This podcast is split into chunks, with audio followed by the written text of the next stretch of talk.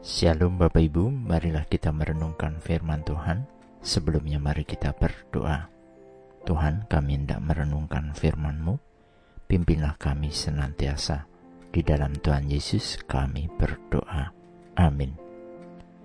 Bacaan saat ini diambil dari Lukas 6 ayat 45. Lukas 6 ayat 45. Orang yang baik mengeluarkan barang yang baik dari perbendaharaan hatinya yang baik, dan orang yang jahat mengeluarkan barang yang jahat dari perbendaharaannya yang jahat, karena yang diucapkan mulutnya meluap dari hatinya.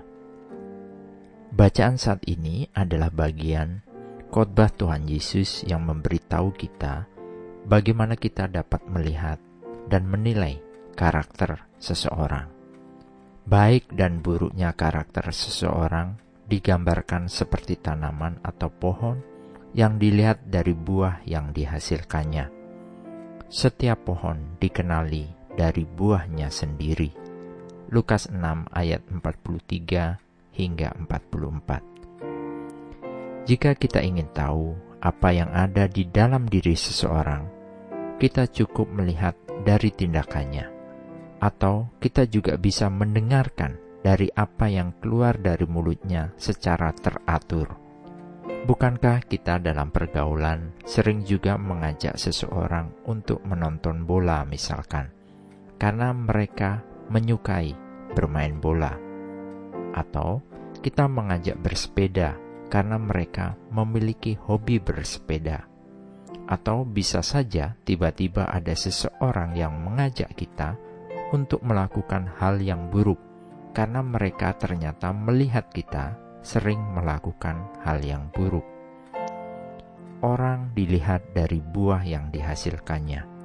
Mulut berbicara dari kelimpahan-kelimpahan bersumber dari hatinya.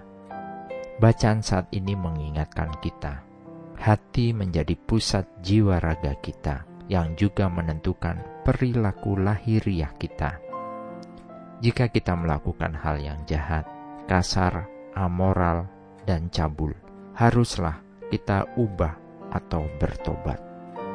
Kata-kata dan perbuatan yang terus-menerus berdosa menunjukkan hati yang berdosa.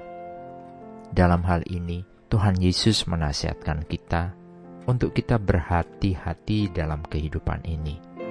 Jangan pernah menganggap diri kita tanpa dosa karena kehidupan di dunia ini mudah untuk mempengaruhi dan dipengaruhi.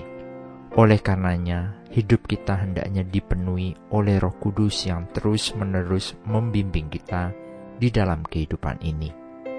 Dengan kita juga mau dekat bersekutu merenungkan firman-Nya setiap saat, memohon kepada Tuhan untuk menjagai hati kita, supaya hati kita senantiasa dilingkupi kuasanya.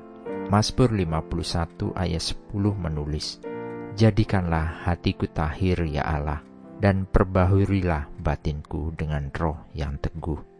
Juga di dalam Mazmur 119 ayat 9 menulis, Dengan apakah seorang muda mempertahankan kelakuan bersih, dengan menjaganya sesuai dengan firman-Mu tanpa perubahan di dalam batin kita, tidak seorang pun sanggup melakukan kehendak Tuhan. Amin. Mari kita berdoa. Bapa Surgawi, ajari hidup kami untuk terus memeriksa hati dan pikiran kami, supaya hidup kami tidak mendugakan Tuhan dari setiap perkataan dan perbuatan kami. Biarkanlah hidup kami hanya ada untuk memuliakan Tuhan. Di dalam Tuhan Yesus, kami berdoa. Amin. Tuhan Yesus memberkati. Shalom.